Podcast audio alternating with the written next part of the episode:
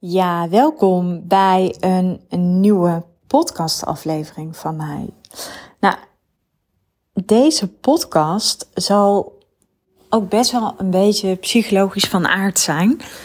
Um, dat komt omdat ik het in deze podcast met jou wil hebben over um, salesgesprekken. Er hangt wat mij betreft nog veel te veel lading rondom salesgesprekken. En als je ondernemer bent en je werkt één op één met klanten en je selecteert zelf je klanten, dan zal het zo zijn dat je salesgesprekken met je klanten hebt. Ik zeg altijd, ondernemen is een combinatie van uh, vertrouwen hebben in jezelf, vertrouwen hebben in je klant en klanten aantrekken die vertrouwen hebben in zichzelf. En daarnaast is het belangrijk dat je natuurlijk over skills beschikt. Skills zoals um, goed zijn in salesgesprekken. En wanneer ben je goed in salesgesprekken? Nou, als je uh, al werkt als coach, dan heb je natuurlijk al een hele grote voorsprong. Want sales is niets meer dan je klant coachen. Alleen je coach je klant niet tijdens het salesgesprek. Je coach je klant op het moment dat deze een koopbesluit neemt. En dat betekent dat je ook, net zo goed als wat je in je coaching doet, dat je ook een interventie durft toe te passen. En ik kom daar zo meteen even op terug. Natuurlijk kunnen zielsgesprekken spannend voor je zijn. Alleen ik denk ook dat we het heel spannend maken omdat we niet onthecht zijn. Wat mij persoonlijk altijd heel erg helpt is weten dat er nog twintig mensen voor mij in de rij staan. Want dat is het ook zo. Het is niet zo dat. Het gaat niet om die ene klant die ja of nee zegt. Daar gaat het uiteindelijk niet om. En hoe meer jij, uh, zeg maar, jouw energie zuiver kunt houden, hoe meer jouw klant voelt dat jij niet afhankelijk van hem of haar bent. En dit is iets waar je jezelf in kunt trainen. Dit heeft alles te maken met ook skills, je heel bewust daarvan zijn. Dus wat er gebeurt op het moment dat wij niet kunnen onthechten, dus we zijn veel te veel bezig met het verkopen, dan ben je niet meer in het moment. Dan heb je niet meer die presence. Dan ben je niet in staat om te kunnen luisteren naar je klant. En wat er gebeurt als je niet meer in staat bent om te luisteren naar je klant, dan mis je scherpte in je salesgesprekken. En wat bedoel ik met scherpte? Scherpte is dat je echt heel goed luistert.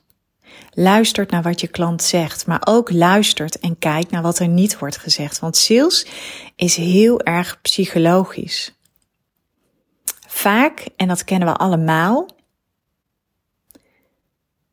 zeggen we iets, alleen daar zit iets achter. Ik zeg altijd, er is een reden voor het gedrag dat mensen laten zien. Dus het daadwerkelijke gedrag of de uitspraak die ze, die ze doen, dat is niet hetgeen wat ze bedoelen. En dat maakt ook dat jij als ondernemer daarin getraind mag zijn. Want dan ga je ook echt goed kunnen luisteren. Dan ga je die scherpte creëren. Maar om die scherpte te creëren is het dus belangrijk dat je eerst vanuit de juiste energie, dus dat je kunt onthechten, dat je ook in die staat van zijn in je salesgesprek kunt gaan zitten.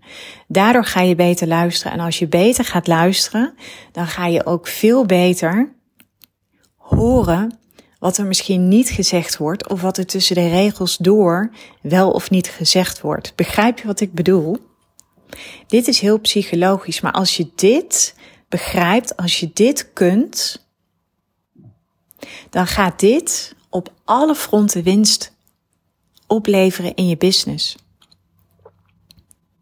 Want tijdens dat soort gesprekken gaat jouw klant al voelen dat jij die scherpte hebt.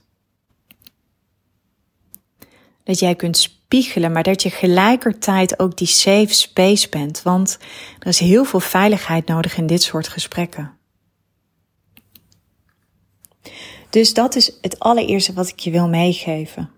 Wees je heel bewust van je energie. En dat betekent echt dat je onthecht bent. Het gaat niet om die ene ja. Wat ik heb geleerd is Zorg dat de liefde voor je potentiële klant groter is dan de angst voor afwijzing. En als je wil weten wat ik daarmee bedoel met de angst voor afwijzing, ik heb het laatst op mijn stories gedeeld. Ik heb het boek van Jan Geurts gelezen, Verslaafd aan Liefde. Dat heeft niet zozeer te maken met de liefde alleen, want liefde is er natuurlijk in vele aspecten. Maar dan begrijp je wat ik bedoel met de uitspraak: laat de liefde voor je potentiële klant groter zijn dan de angst voor afwijzing. En als je dit begrijpt, ja, dan heb je echt een hele grote voorsprong op het gebied van hele goede skills hebben in je salesgesprekken.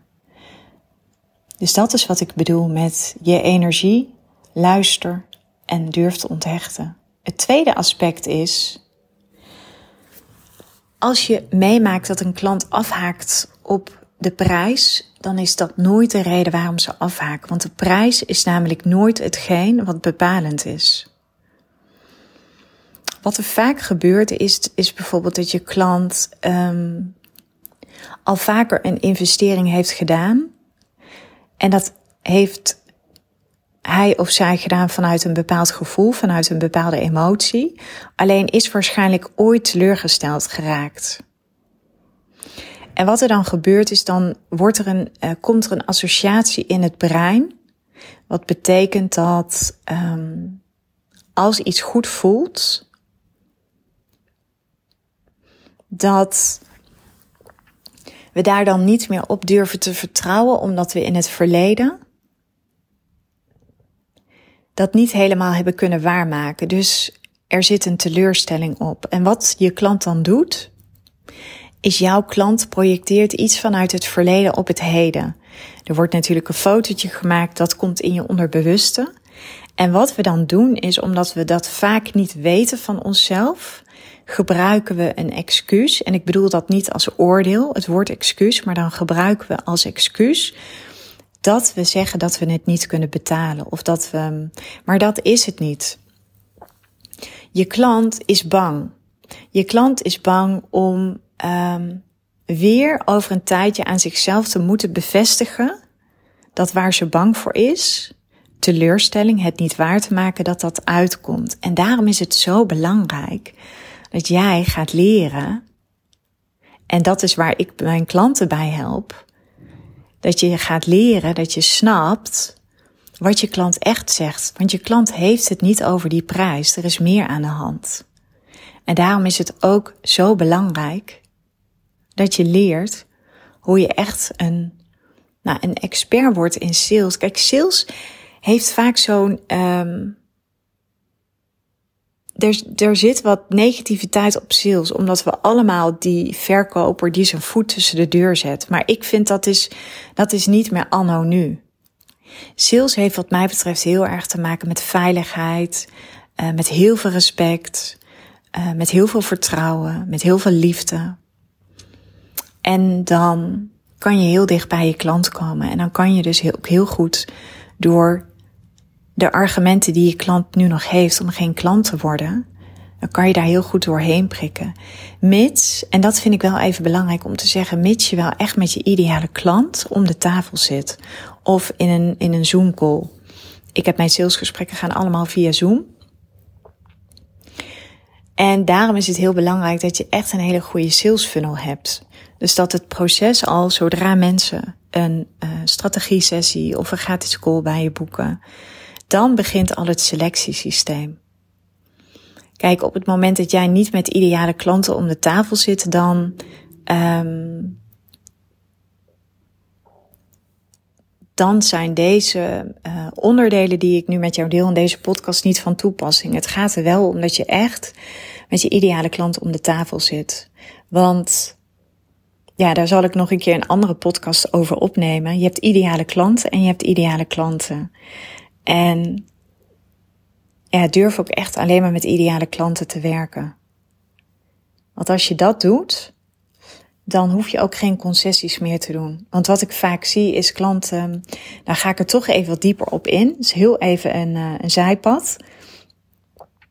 Maar stel je zit in een call niet met je ideale klant en die valt over de prijs, dan kan het zomaar zijn dat jij je laat beïnvloeden en dan bijvoorbeeld je prijs ineens gaat aanpassen. En dan ga je je prijzen aanpassen, maar wat er dan gebeurt is, dan blijf je het in stand houden dat je geen ideale klanten aantrekt. Want aan iedere prijs hangt een bepaald type klant.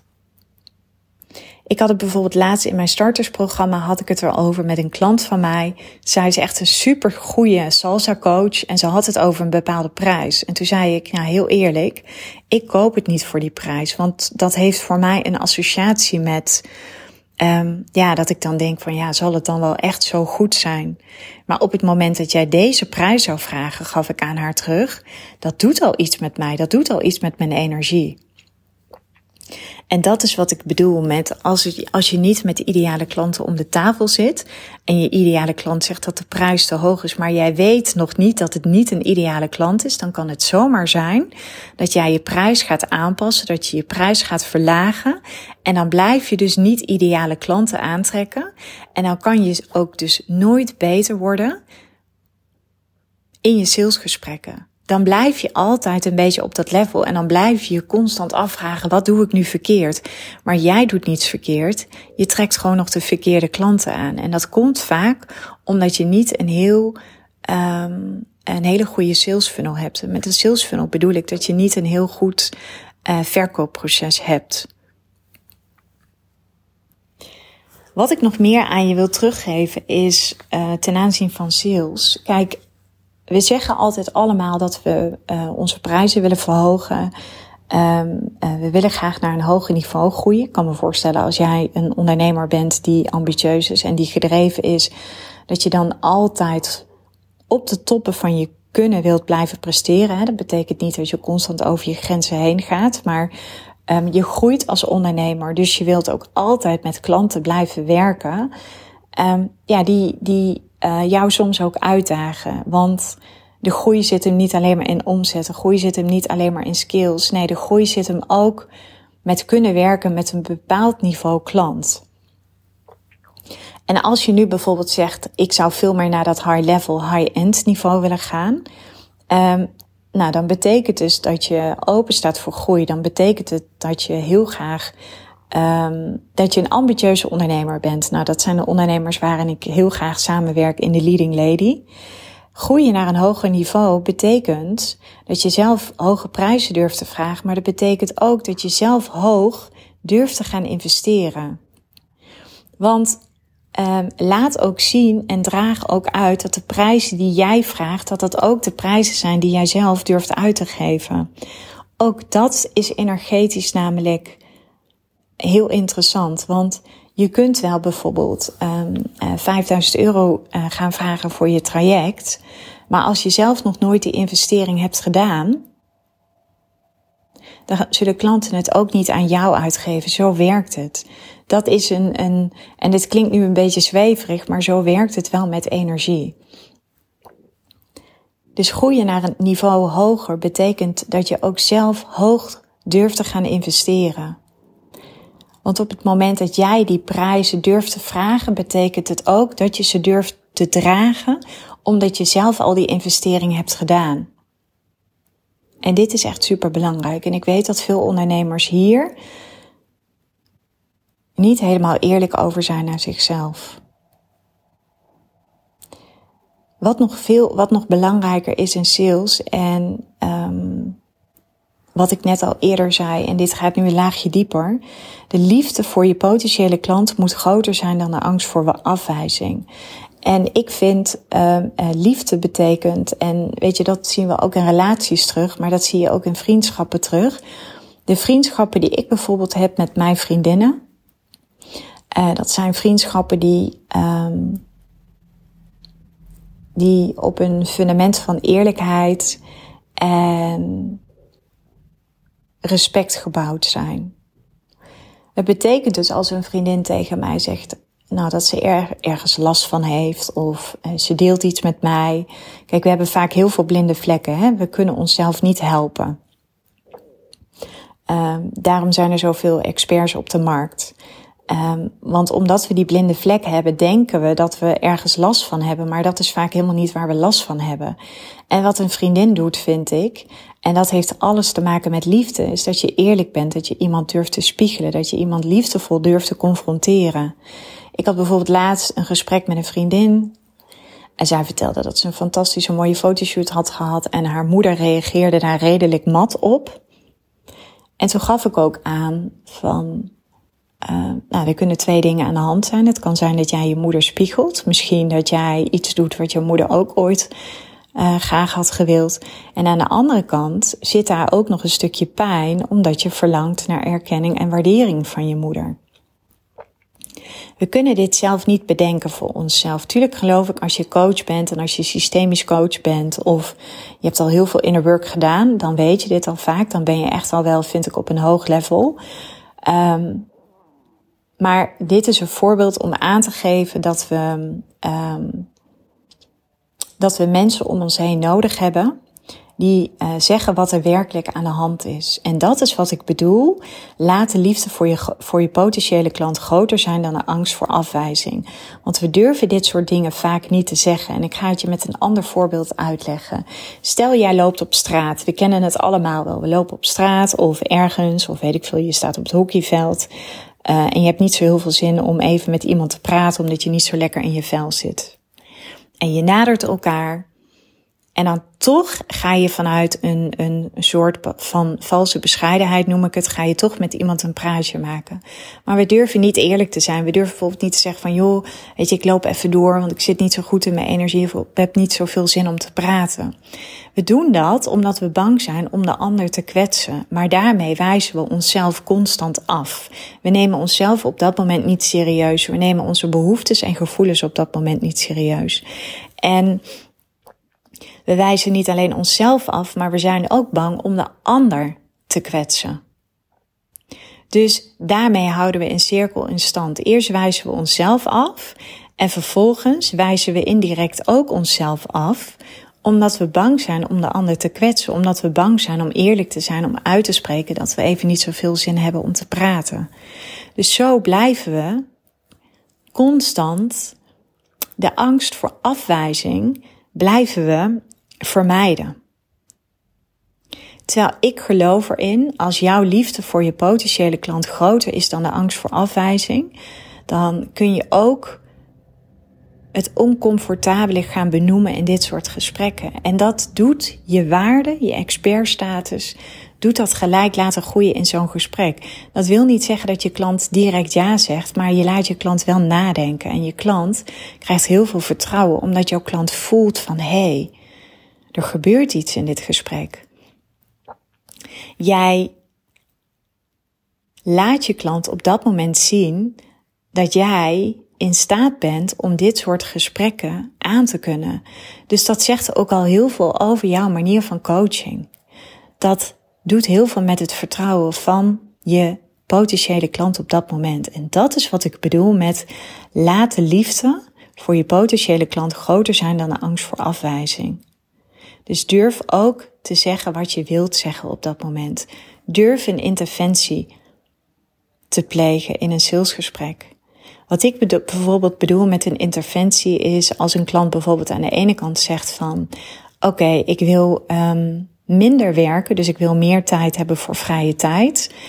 Um, ik wil het minder druk hebben. En ik wil, wil meer winst. Want ik heb nu um, de verhouding uh, resultaat-kosten is nu nog te groot. Stel, mijn klant spreekt dat uit. En op het moment dat we een laagje dieper gaan en je klant is inderdaad helemaal overtuigd van het high-end werken. Um, en high-end werken betekent dat je maar een aantal klanten bedient waarbij je maatwerk levert diepgang en kwaliteit, maar je vraagt er wel een hogere prijs voor, omdat jouw klant, uh, omdat de transformatie die jij levert is enorm groot. Maar stel dat jouw klant op zo'n moment zegt. Um, dat ze.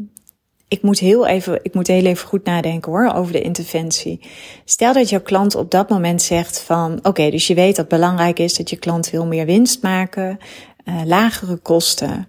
Maar je klant besluit bijvoorbeeld om, uh, ze zegt in het salesgesprek uiteindelijk van, um, nou, ik denk dat ik toch maar uh, voor deze optie ga.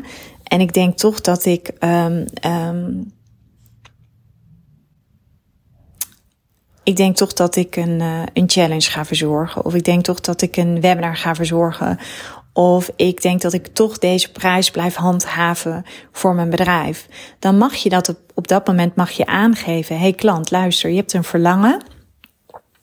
Maar de argumenten die je nu hebt, um, die saboteren je groei. Dus je mag op dat moment de interventie toepassen van Oké, wacht even. Dus je mag iemand echt al even bij zijn kladden grijpen. En nog steeds is dat liefdevol, hè? Want bij de kladden grijpen klinkt ze nu een beetje zo van, joh, je grijpt iemand bij de kladden. Maar op dat moment kun je wel je klant de vraag stellen. Oké, wacht even. Ik begrijp het even niet. Aan de ene kant zeg je dat je wilt groeien in winst en dat je meer vrije tijd hebt en dat je minder klanten wilt helpen.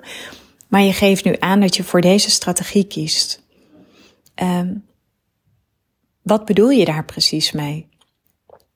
Want voor mij staat het haaks op het verlangen wat je zojuist met mij hebt gedeeld.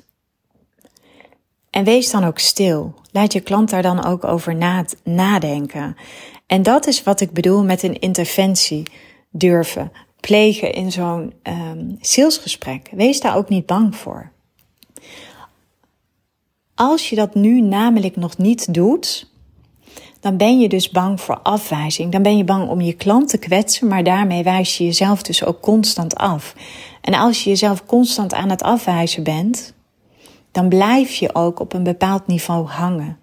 Dan zullen je salesgesprekken niet naar een hoger niveau gaan stijgen.